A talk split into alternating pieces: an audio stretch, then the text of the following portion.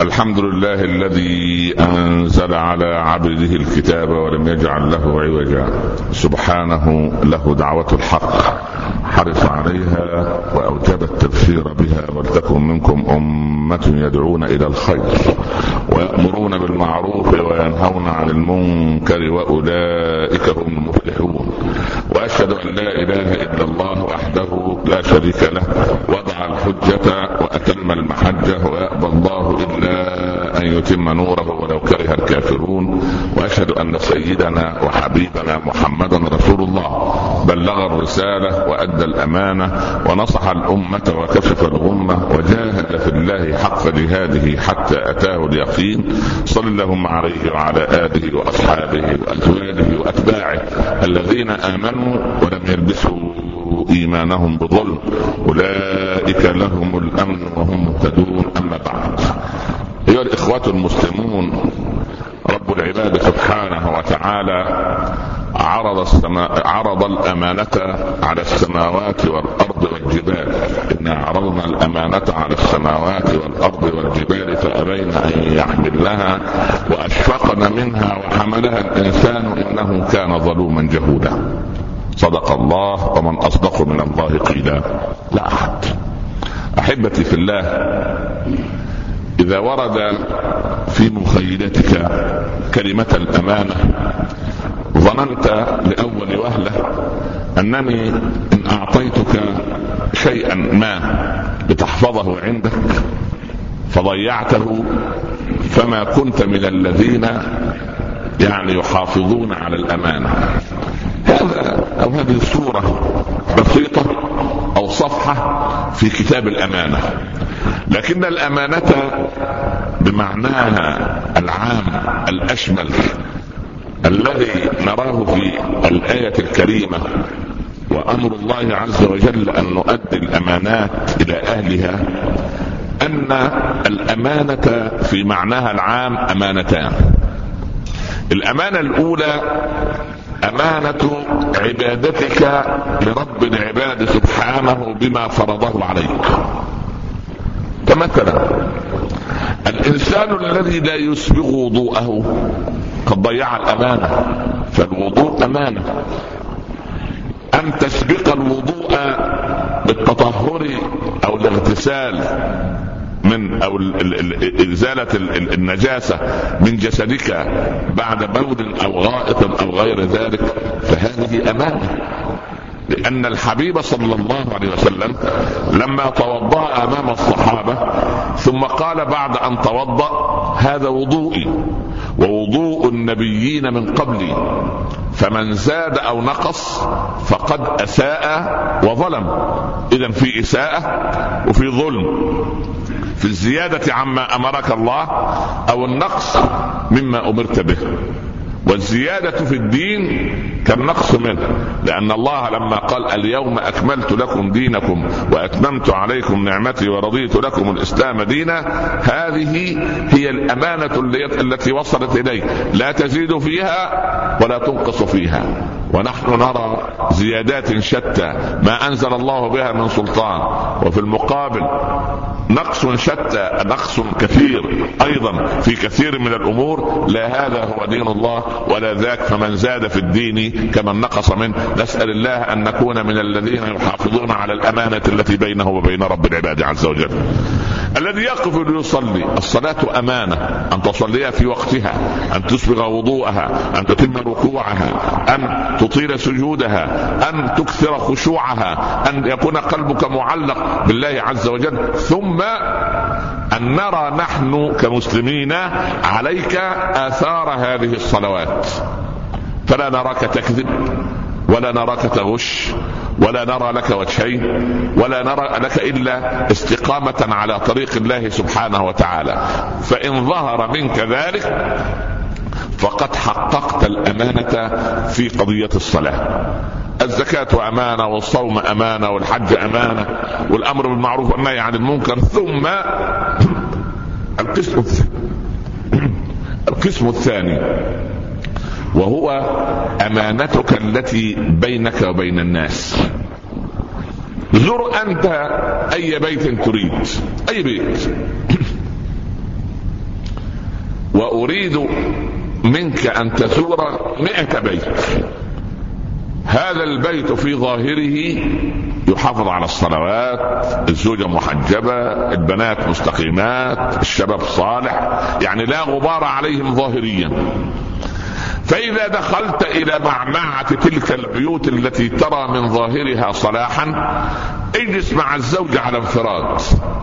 واسمع منه الشكاوى المتعددة من زوجته إذا صارحك وكأن زوجته بالنسبة لما تسمع أنت شيطان مريد ولو قدر لك أن تكون رجلا مصلحا أو عالما أو قاضيا أو حاكما أو يعني منصبك يقتضي أن تسمع من الزوجة سوف تسمع كلاما أعجب في مقابل هذا الكلام الذي سمعته من الزوج. اسأل نفسك سؤالا. ما الذي يثير هذه الكراهية وعدم احترام الطرف للطرف الآخر سواء كان زوج أو زوجة؟ ترى أنت ولدا زميلا لولدك. يأتي ليمر عليه ليأخذه إلى الجامعة أو إلى المدرسة أو إلى غير ذلك. ترى فيه سمتا حسنا وادبا وانحناء. مرحبا يا عمي. كيف صحتك يا عمي؟ تقول يا سبحان الله. يا ليت هذا الولد يعدي ابني خلقا حسنا منه أو يعدى ولدي منه هذه الأخلاق. لكن إن سمعت من والد هذا الولد أو من أمه لسمعت عجبا. هذا الولد يتعامل بمنطقين كما يتعامل أبوه وأمه. منطق أمام الأجنبي بالأدب. في المدرسة في غير المدرسة لكنه في البيت شيطان مريد ما الذي يعني أورثنا كل هذا؟ لأن المسلمين قد أضاعوا الأمانة الحقيقية في نصر دين الله سبحانه وتعالى في أعمالهم. نحن حصرنا ديننا في صلوات. نأتي كل جمعة. ونذهب إلى مساجد يعني الآلاف من مساجد بيوت الله في بقاع الأرض. نسمع كل جمعة خطبة. ما مدى تطبيق هذه الخطبة في واقع الناس؟ أنا أريد في كل خطبة أن أدلك على عمل واحد. تعمله طوال الأسبوع. هل تستطيع أيها الزوج أن تعود اليوم إلى زوجتك لتقول لها لنفتح صفحة جديدة في معاملاتنا احتراما وتقديرا واحتراما أمام الأولاد واحتراما أمام البنات وأن نقيم شرع الله في بيتنا وألا يتطاول لسانك على أهلي وألا يخوض لساني في أهلك وأن الطاعة تكون بين الطرفين والمحبة تكون بين الطرفين ولا داعي للتلاسن أو التراشق بالكلمات أو قسم الأولاد إلى حزبين حزب للاب وحزب للام والله لو صنعت هذا على مدار عام كامل لرأيت ثمرة طيبة. لكن أنا متخيل أنا متيقن أنني بعد الصلاة وبعد الدرس سوف ياخذني كل إنسان على جنب. لكنك لا تعرف زوجتي. هذه شيطان هذه لا يقال هذا الكلام الذي تقول. أنت رجل لا تعيش واقع الأمة لا تعيش مشاكل البيوت. تعال شاهد أباها ويقول وشاهد أخاها يقول كذا وتحبط أنت وكأن النصيحة ليست لنا. يا أخ الإسلام إن عمر رضي الله عنه صبر على أم كلثوم لما رفعت صوتها عليه وسمع الشاكي صوت أم كلثوم وما سمع صوت عمر. عمر صوته كان مرتفع أساسا. جهوري. ولكن الرجل لما ارتفعت زوجته بالكلام عليه في المدينة ما قبل المكي هذا الكلام. قال والله إحنا كنا في مكة لا صوت للنساء. كيف ترفعي صوتك؟ والله لا أشكونك لأمير المؤمنين عمر القصة تحفظونها. ولكن نكرر كي لا تنسى. وهذا عمر درة عمر كان يهابها كسرى في عرشه وقيصر في مكانه. الدرة فقط مش السيف. صوت عمر إذا إذا قال سمع الجميع إذا قال أسمع كما وصفته أم المؤمنين عائشة. لكن الرجل لما طرق باب عمر كي يقدم إليه شكواه من زوجته سمع زوجة عمر تعنفه ولم يسمع لعمر صوتا. فلما فتح عمر الباب ورأى الرجل قد ولى كي لا يخرج أمير المؤمنين أوقفه عمر أما طرقت بابنا آنفا؟ قال بلى أمير المؤمنين. قال ولم لم تنتظر؟ قال جئت أشكو مما تشكو أنت منه. المسألة متماثلة. انظر ماذا قال عمر. هل قال عمر؟ لا لا لا, لا. هذه صوت الخادمة مع الولد. لا لا من باب النصب والاحتيال كما نصنع لا لا لا, لا ما فيش مشكلة. إحنا ما شاء الله. ملائكة أطهار يا أخي الكريم. يا أخي هذا كلام والله سوف نظل ننافق إلى أن نموت. نسأل الله أن يرفع ويحذف النفاق من قلوبنا وأن يرزق قلوبنا الإخلاص والنية الصادقة. قال عمر موضحا. له ولنا. وضع يده عمر على كتف الرجل. هذا من باب الود باب النصيحة. قال يا هذا هذه انظر إلى عمر بعد أن رفعت زوجته صوتها وعلى من؟ يعني لو رفعت صوتها على على أمثالنا. الأمور تعدي. الأمور يعني تبلع تبتلع. يعني يتغاضى الإنسان. لكنها على عمر. الرسول صلى الله عليه وسلم يقول لو كان بعدي نبي لكان عمر. الحق بعدي ما دام عمر. ما رآك الشيطان في طريق يا ابن الخطاب إلا وسلك طريقا آخر. هذه المرأة التي نذرت أن تضرب بالدف إذا عاد الرسول صلى الله عليه وسلم سالما من الغزوة. فلما عاد الرسول جاءت المرأة لتوف يعني لتحقق نذرها. والرسول يتركها. دخل أبو بكر وهي تضرب بالدف. ودخل علي وهي تضرب. دخل عثمان وهي تضرب. فلما دخل عمر خبأت دفها. فضحك الحبيب وقال صلى الله عليه وسلم إن الشيطان ليخاف منك يا عمر. طب بالله عليك تسأل سؤال. يعني الشيطان يخاف من عمر ألا يخاف من رسول الله؟ صلى الله عليه وسلم لا. الفرق بين عمر وبين الحبيب المصطفى كان فرق بين الأستاذ وتلميذه. الأستاذ يرى ألوانا من الفوضى في الصف الدراسي. يا أستاذ خطف مني الدفتر. يا أستاذ عمل معي كذا. يا أستاذ يعيرني بكذا. يا أستاذ والأستاذ يرى ألوان الفوضى. لكن هل يتحمل الزميل إساءة زميله لكن الأستاذ يتحمل. وهذا هو الفرق بيننا وبينه صلى الله عليه وسلم. قال عمر للرجل يا هذا هذه التي سمعت أنت صوتها. طباخة لطعامي وغسالة لثيابي ومربية لأولادي وأعف نفسي بها عن الحرام فكيف لا أصبر عليها؟ فيما نظر عمر نظر إلى إيجابيات زوجته أم إلى سلبياتها؟ الإيجابيات فلما كبر الإيجابيات صار السلبيات قليلة أو صغيرة أو كبيرة. صغيرة. لماذا؟ لأنه كبر مساحه الإيجابيات. قال سبحان الله يا أخي من يتحمل عصبيتي الا هذه؟ من يتحمل سوء ادبي الا هذه؟ من التي وقفت بجواري أيام كنت موظف يعني راتبي دريهمات قليلة الا هذه؟ من التي صبرت على كذا وكذا؟ من التي صبرت على سوء معاملة ادى فيه أهل الأزواج إذا زاروا سبحان الله العظيم بيت ابنهم وهو بيت يملكه الزوج والزوجة وهم الرجل يعني يلبسوا كضيوف يضعوا أنوفهم في صغير كأنهم لجنه التفتيش الدولية على المفاعل النووي سبحان الله تفتيش من أين هذا؟ أين اشتريتم هذا؟ كيف لكم هذا؟ لماذا تذهبون بالولد إلى هذه المدرسة؟ لا لا لا كيف تسقين الولد هذا اللبن بهذه الطريقة؟ تتدخل أمه في رضاعه الولد وفي لبس الولد والزوجه تسكت يا أخي لو والله لو تعلمنا الأدب. سبحان الله. هذا الرجل عبد الله بن أبي زيد أحد التابعين لما تزوج دخل بعد عام من زواجه. عام كامل. رأى امرأة في البيت. قال ضيفة عندنا؟ فقالت أنا أمها. ام تزور بنتها بعد سنة مش الساعة السابعة صباحا ليلة العرس نسأل الله الشفاء. نسأل الله أن يتوب علينا. نسأل الله أن يعطينا عقولا غير عقولنا هذه. يا إخوة الإسلام فهم الإسلام وفهم لأحاسيس راقية يتعامل الناس بعضهم مع بعض. لكن أن يتداخل والفضول يدفعنا أن نعرف أسرار هذه وأسرار تلك هذا ليس من دين الله. هذه الأمانة. أو من فهم الأمانة.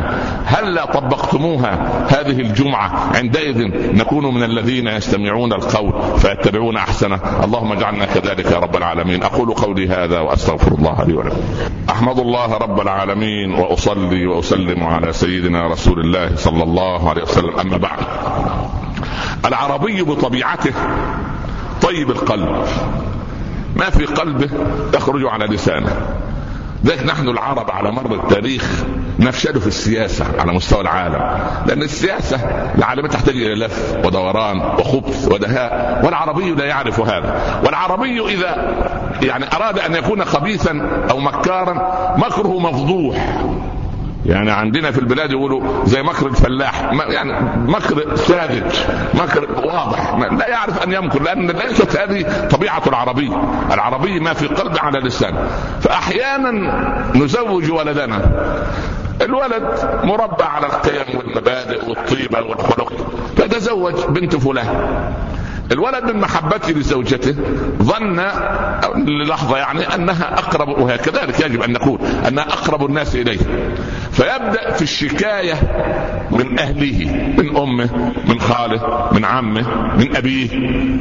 وتترسب في ذاكرة الزوجة في أيامها الأولى صورة خاتمة عن أهل زوجها. لكن الولد يوما ما لا يفرط لا في أبيه ولا أمه ولا أهله. عندما يجلس الإثنان للعتاب أو للنقاش أو للعراك تخرج الزوجة مما عندها من أخبار سمعت أو العكس.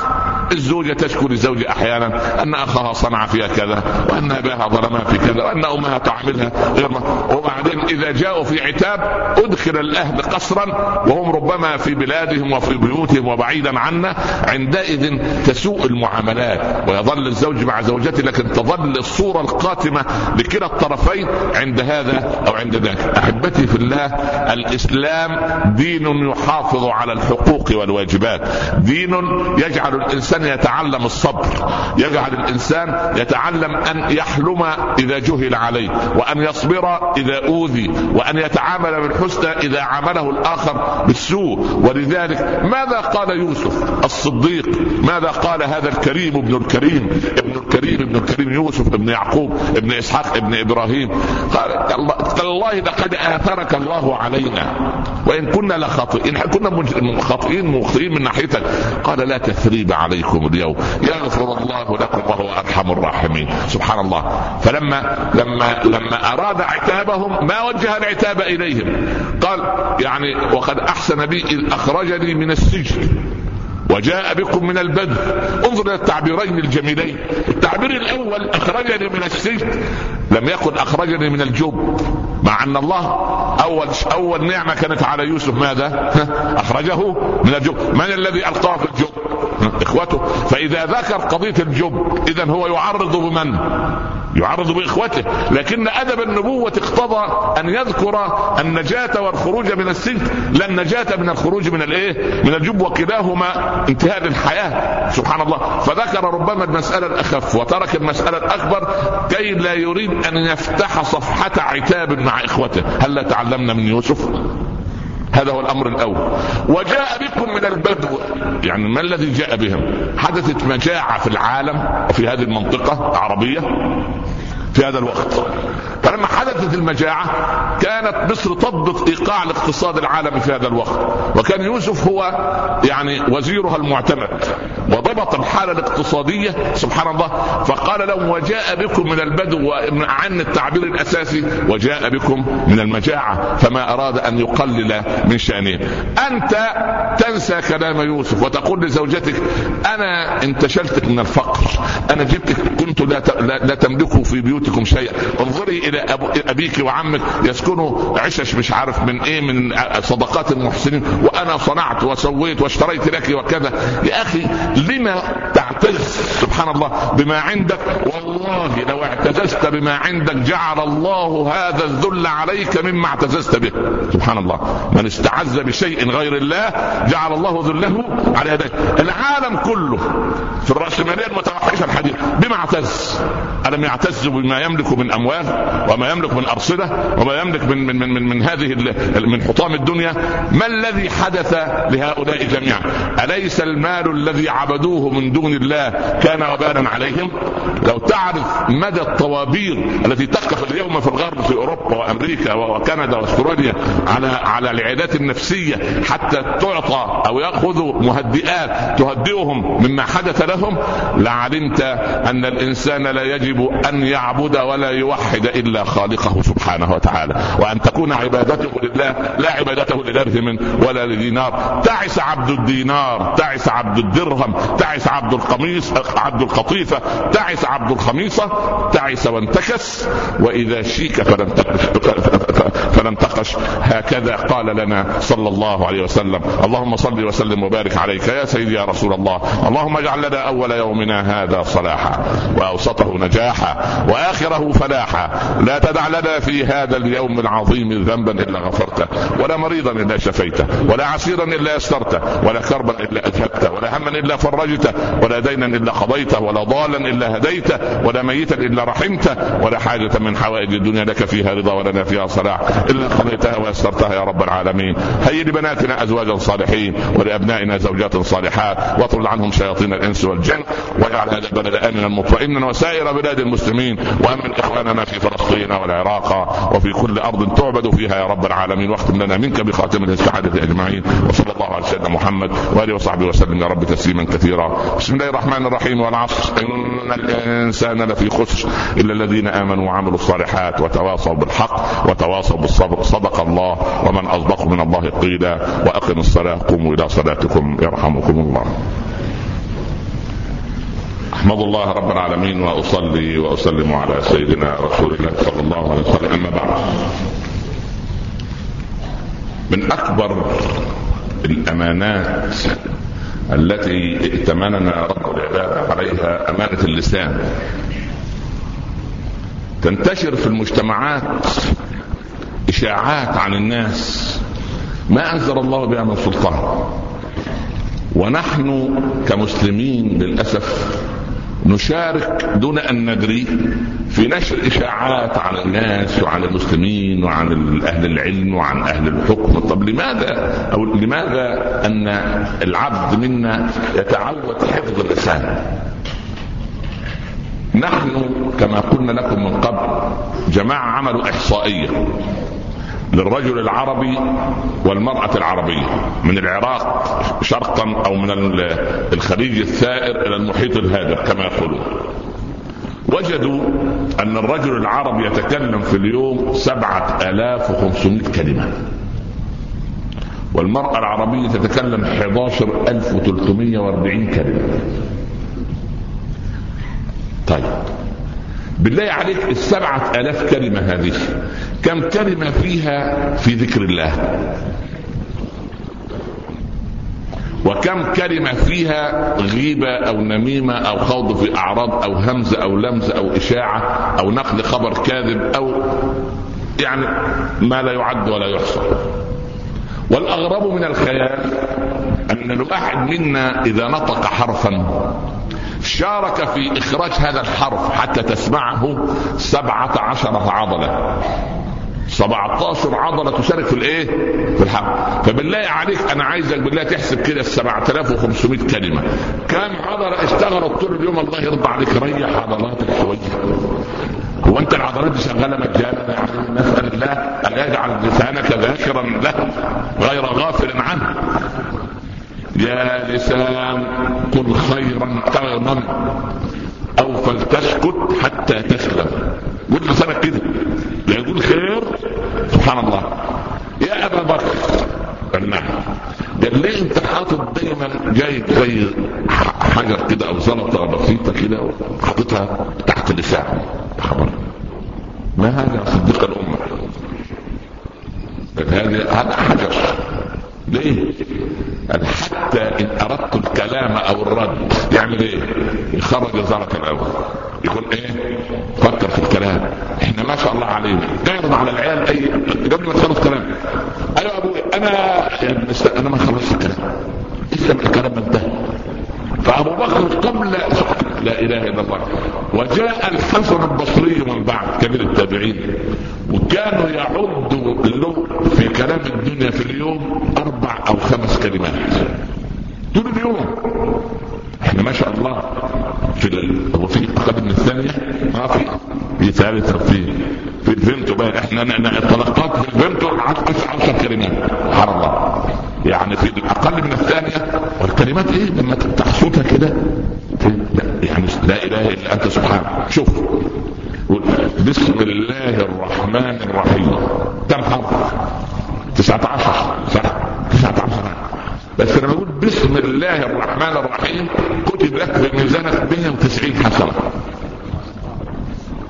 طب لو أن تسعة عشر حرفا دي حرفت أو راحت ناحية الشمال فكانت خوضا في عرض أو إشاعة للمصيبة أو تدليس أو كذب أو زور أو شهر أو, أو إلى آخره إلى آخره.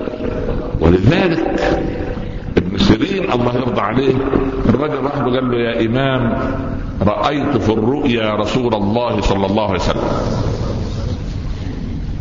طبعا رؤيا خير ولا غير خير؟ ولا شر خير. استنى للآخر رأيته عريانا فغطيته. ده كلام حسن ولا غير حسن؟ حسن. واحد للرسول عريان فإيه؟ قال ابن سيرين ليتك ما غطيته. إنك قد غطيت الحق. ربما تشهد شهادة زور. فبعد أيام شهد شهادة زور وخرجت روحه. وده شاف من؟ رأى من؟ فمش أي حد يا أخوانا الله يسامح يا أخوانا بتوع الفضائيات. أيوه يا بنتي وشفت إيه؟ طيب كنت نايمة على وسادة خضراء ولا حمراء يا عم خضراء وحمراء يا الله يفتح عليك لا إله كنت نايمة وخلاص لا إله إلا الله. فالكلام عجيب. دلوقتي أعرف من. من المعبر له. من الذي أعبر له؟ هو صالح تقي مصلي غير مصلي رجل أنثى. سبحان الله. يا أخي يمكن واحد مهموم من الأزمة المالية وقاعد شايف إنه داخل مصلحة فك العملة وقاعد شايف المطبعة وهي تطبع. دي ليها تفسير دي؟ ولا نروح للطبيب الأمراض النفسية خليه يديك مهدئ إن شاء الله والازمه تمر على خير لا حول ولا قوة إلا بالله. فالعبد المؤمن يراعي قضية الأمانة. قضية أمانة اللسان. طيب إيه كمان؟ يعني أمانة العين. واحد ذهب مع أبي حنيفة شيخه واحد من تلاميذ أبو حنيفة. بعد صلاة الجمعة واحد كريم كده قال أبو حنيفة والله إنك لابد من الغداء عندي.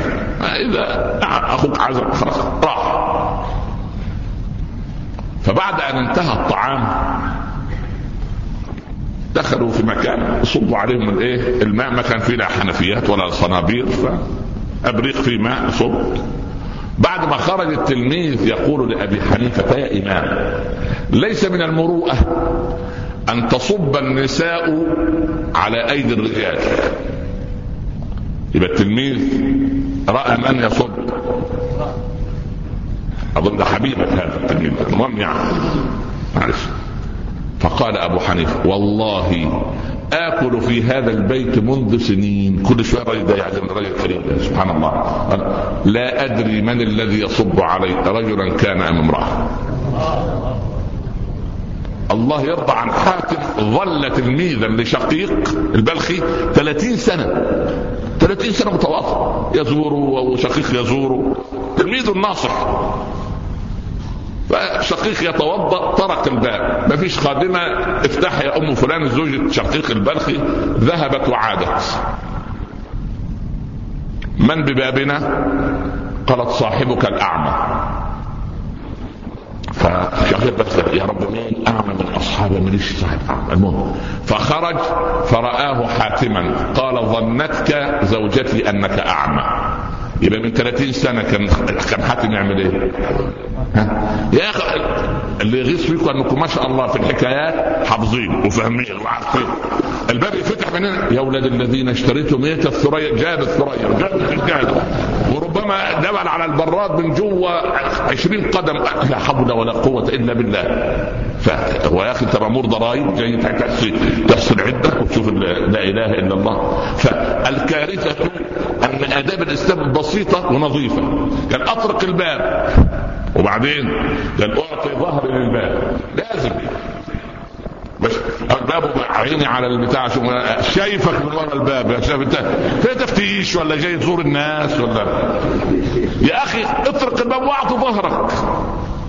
مرة 25 سنة في القاهرة يقول يا أخي الكريم من الأدب تطرق الباب وتقف على يمين الباب السابع نفرض يا سيدنا الشيخ ما فيش مساحه في اليمين نعمل إيه؟ يا عم ده ظهرك وخلاص لكن لازم الفلسفة لازم الفلسفة لازم الفلسفه الشيخ يتمنظر على الشيخ سبحان الله. يعني أطرق الباب واعطي ظهري ما حد خرج. أجي ثاني مرة فرق آخر وأعطي ظهري ثالث مرة نفس القضية يعطي ظهر. فإذا قيل من؟ قل فلان. لا الثاني آه طبعا. نسيتوا صوتنا ولا أنتوا عارفين ولا ما صح. اللي علي علي خلاص اللي كبر كبر. من ساعة زوجك ما بقى المدير ما حدش عارف يكلمكم. لا حول ولا قوة. جاي يهزأ الناس ويستهزأ بالناس. وكل أدبه على الناس. أنت سائر ولا في إيه؟ سبحان الله العظيم. الكارثة مش في كده. انت سامع صوت جوه. ما حد فتح لك يا أخي في مشكلة في البيت في هذه الآونة ليس عندهم استعداد لاستقبالك. يقول بالادب تعمل إيه؟ تمشي. ولا تعاتب أخاك بعد ذلك. طيب يا أبو فلان إن شاء الله خلي مين يشوف وجهي لا حول ولا قوة إلا بالله. يا أخي كان ابن عباس يقول وددت أن أطرق باب أحد من إخواني فيفتح الباب لي ويقول وإن قيل لكم ارجعوا فارجعوا هو أزكى لكم. ويا ريت واحد عنده جراءة وعنده أدب وأنا أتحمل هذا عندما يقول يا أخي والله لسنا على استعداد لاستقبالك. يا أخي مش وقته. وبعدين الحمد لله ما فيش مسلم تقريبا إلا ما عنده الآن هذا الجوال والنحقال والمتحرك والساكن والباكن سبحان الله. يعني اعمل استئذان الأول. هو ده الاستئذان. الله. ألم يعب يعني اللي كانوا سكرانين بالخمر على عمر رضي الله عنه؟ هو سمع صوت ناس مبسوطين شوية خلي بالك انت. يعني يتعاطوا الخمر. واضح. خرفوا في الكلام. فطرق الباب هم لسه فيهم إيه؟ شوية من عقل. قالوا إنه صوت عمر. يا الله عمر لا تفتحوا الباب.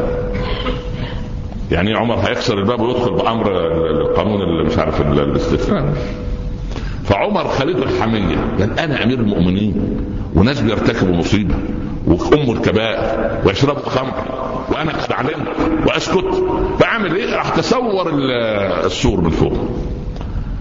قال افتحوا ألا تظنون أن الله لا يراكم؟ أتظنون أن الله لا يراكم؟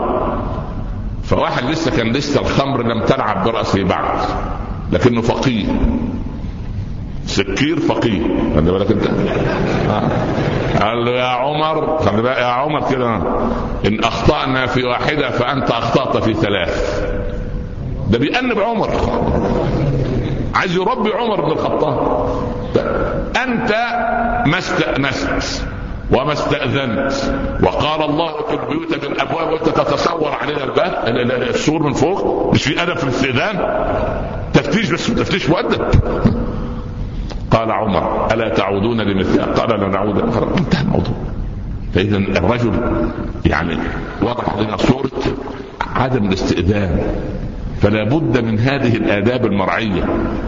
قال أبو هريرة يا رسول الله أنا عايش مع أمي. معقول؟ أمي كمان أستأذن عليها؟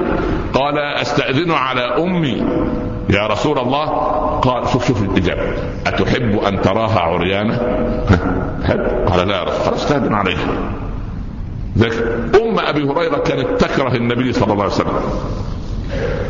فلما خاضت في الرسول صلى الله عليه وسلم بكى أبو هريرة ودخل عند الرسول حزينا. ما لك أبا هر؟ قال امي يا رسول الله. نالت منك ادعو الله أن يهديها. قال اللهم اهد أم أبي هريرة. رجع أبو هريرة طرق الباب. من؟ قال عبد الرحمن.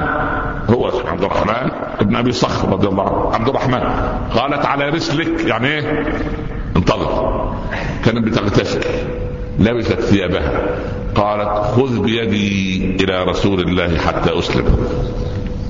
فأبو هريرة لما وجد أن دعوة الرسول بهذا الشكل فلما ذهب بها إلى الرسول قال يا رسول ادع لي دعوة. قال اللهم أحب أبي هريرة وأم أبي هريرة وحبب الناس إلى أبي هريرة فما سمع أحد عن أبي هريرة إلا هو يحبه. بالله عليك مين فينا يعرف وصف أبي هريرة؟ لكن تحبه أم لا تحبه؟ تحبه سبحان الله العظيم فكان كل ما يجي لأمه السلام عليك يا أمة رحمك الله سبحانه كما ربيتني صغيرا تقول يا بني وعليك السلام ورحمة الله رحمك الله كما بررتني كبيرا ادي البيوت المحترمه سبحان الله. مش الولد داخل والعياذ بالله بالقلب. مالك يا ابني؟ مفيش. مالك يا بنت؟ مفيش. لا حول ولا قوة إلا بالله. والأب يسترضي والأم. وأنا قلت لكم من قبل كنا نقبل أيدي آبائنا ورؤوسهم وأمهاتنا ورؤوسهن حتى يرضوا عنا. الآن نقبل أيدي الأبناء والبنات عشان يرضوا عنا. طب يا ابني عشان خاطر زي بعض. السيارة دي السنة إن شاء الله ربنا يفك الأزمة المالية. لا ابدا. زي ابن عمي. عم الله يرحم عمك لا حول ولا قوة الا كان يركب حمارا لا حول ولا قوة الا بالله الله. في إيه؟ لأن التمرد هذا دليل على ان إما مالي في شبهه أو أنا غفلت عن الحفظ أو الحفاظ على الأمانة. الأمانة في على الأعراض خطيرة. خطيرة دي. يقال إن ليلى زوجة سعد بن أبي وقاص كانت في العرب قبل في الجاهلية مشهورة بجمالها أجمل امرأة في العرب ليلى أجمل فرجل اعرابي رذل اردف فزار سعدا فكده كل شوية إيه ينظر إلى داخل بيت سعد يقال في كتب السير إن سعدا فقع عين الرجل طبعا ده إرهابي لو في قانون 2008 ميلادية كانوا يقولوا إيه؟ ده متطرف يعني إيه يعني؟ يبص وص يخلع له عينه ليه يعني؟ أمال يخلع له إيه؟ دماغه؟ سبحان الله لا إله إلا الله أتعجبون من غيرة سعد هكذا لما بلغ الرسول صلى الله عليه وسلم إن سعد لرجل غيور وأنا أغير منه والله أغير مني اقتلوا من لا غيرة له. يا أخي الله يغار ومن أجل غيرة الله حرم الله الايه الفواحش ما ظهر منها وبطن. فالإنسان يا أخي غض البصر عن محارم الناس ده مهم. لأن الشيطان لك بالمرصاد. تريد تنظر؟ شوقي رحمة الله عليه. قال نظرة ها فايه فابتسامة ها فسلام ها فكلام ها فموعد ها فلقاء. صح ولا هي ست درجات كده؟ نظرة. احفظها هي. بس مش تعملها لا احفظها بس. نظرة فابتسامة فسلام فك... الموظفة راحت جديد العمل. في حالها غريبة عن المكتب. السلام عليكم بأدب وتقعد على مكتب تشتغل. يبدأ واحد من الفضوليين وما أكثرهم. نورت المكتب. أنت مالك أنت نورت المكتب؟ ظلمت المكتب. في هي خلاص صرت لها محرما. يا أخي اضطرتها الظروف والملاقات تعمل. اتخذها فيها. تحب حد يكلم بنتك ولا زوجتك ولا؟ ها. ثاني يوم ليه تأخرت يا أستاذ فلان؟ المواصلات صعبة. أنت عايز إيه؟ نفتح حوار صحفي. اتق الله. أغلق الباب. أغلق الباب الله يرضى عليك. السلام عليكم. وعليكم السلام. إحنا ماشيين. سلام عليكم خلاص. انتهى الموضوع.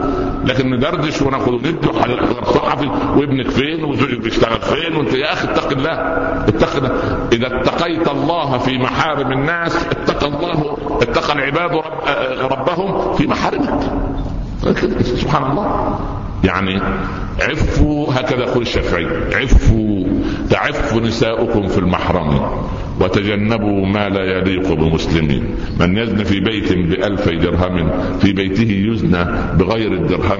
إن الزنا دين فإن أقرضته كان الوفى من أهل بيتك فاعلمي من يزن يزن به ولو بجداره إن كنت هذا لبيبا ففهم سبحان الله. هكذا يقول الشافعي. والقصص معروفة. وقصت لكم عن المرأة الصالحة الصوامة القوامة. وزوجها يشتغل بائع مجوهرات جواهري ودخل البيت لقي زوجته تبكي بكاء مرا في إيه؟ خير. لا في خير. قالت له الولد غير مهذب ده عامل القمامة أخذ كيس القمامة مني فلمس يدي عن عمد مرأة حرة لا تقبل هذا. فبكى الرجل. ما يبكيك بل دخلت امرأة عندي اليوم تقيس أسورة فلمست يدها عن عمد. كما تدين؟ اتق الله يا أخي في؟ يا أخي غض بصرك. تعود شوف لن تنطلق بصيرتك إلا إذا غضضت بصرك. أنا في مشاكل من ضمن المشاكل اللي نحلها في, في, في, في, بين الناس وبعضها الأزواج والزوجات. الزوج طول ما هو قاعد وفاتح وخيبان فتح التلفزيون شوفي دي أنا عايز شعرك يكون طب شعرها مش زي كده. سبحان الله. أنا عايز أنت عايز إيه؟ اتق الله يا رجل. يا أخي خلي عندك يعني حمية وخلي عندك ود وخلي عندك يعني رضا بما قسم الله سبحانه وتعالى لك. والله جعل لك في الحلال مساحة كبيرة. لكن أنت يجب أن تتقي في صغير الأمر. قل للمؤمنين يغضوا من ابصار والله رجل في جامعة هايدلبرج أستاذ بروفيسور راجل بتاع علم اجتماع رهيب معروف كان مرشح لجائزة نوبل. يقول بحث عن المصائب التي هجمت علينا في أوروبا في هذا القرن القرن الأخير هذا. وجدت أن علاج كل مشاكلنا أن نعلم الشباب غض البصر. يعلموا الشباب في غض البصر. لماذا لأن الموضوع سبحان الله العظيم أصبح يعني نسأل الله السلام. فأنا أريد أن أقول إن الأمانة أمانة النظرة أمانة الكلمة أمانة اليد أمانة الحفاظ على الأعراض أمانة أن لا تنشر إشاعات عن أي إنسان كان عن, عن, عن يعني قريب لك بعيد عنك أن تتقي الله سبحانه وتعالى وأن يكون صدرك قبل للأسرار لزوجتك ولمن يحيط بك. ثم بقيت كلمة. المسلمين لو حافظوا على أمانة ما في كتاب الله. كان نجنب كل هذه الويلات. وعمر الله يرضى عليه لما خاض في بركة الطين في يوم تسلم مفاتيح بيت المقدس. ماذا قال؟ قال كنا أذلاء فأعزنا الله بالإسلام. فإن ابتغينا العزة في غير الإسلام أذلنا الله. أيضا أمانة العبادة. يعني إيه أمانة العبادة؟ إخوة يأتوا متأخرين الإمام طلع على المنبر. خلاص هو ليه المؤذن يؤذن. أنا حصل زي اليوم. دخلت ابن عبد الوهاب يؤذن. لا يجوز أن أجلس إلا ان اصلي ركعتين تحية لصاحب المكان صاحب رب البيت سبحانه وتعالى. لازم. قبل أن أسلم على أي إنسان لازم إيه تحية. طب الراجل يؤذن حاجة من الاثنين. يا إما أجلس. لا ينفع أجلس. قبل أن أصلي.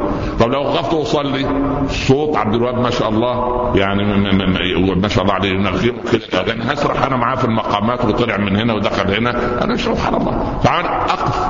ليس وقوفي توقفا أن لازم الانسان أثناء الاذان اللي يحصل إيه بقى؟ أنا طلعت على المنبر. دخل الأخ أو الإخوة المؤذن يؤذن. يقف. طيب. انت وقفت ليه؟ لا لسبب خلاص انت دخلت الامام على المنبر اجلس. لا صلاة لك. طبعا تقول لي في مذهب يقول ماشي مع احترامنا لكل مذهب اجلس. لماذا اجلس؟ إحنا لو صلينا منفردين في غرفة في في داخل صحراء لا يسمعنا أحد سرحنا وسهونا ولا يشوش علينا شيء. صوت مؤذن وأنا واقف أصلي. إما أن يشوش علي صوت المؤذن أو يشوش علي صوت من؟ صوت الخطيب. فأنا قمت أصلي. هو يجلس أخطب ويجلس يصلي. طب أنا أتكلم عن موضوع ألا يشغل باله بما أقول؟ فمن الواجب؟ أنت جئت متاخرا.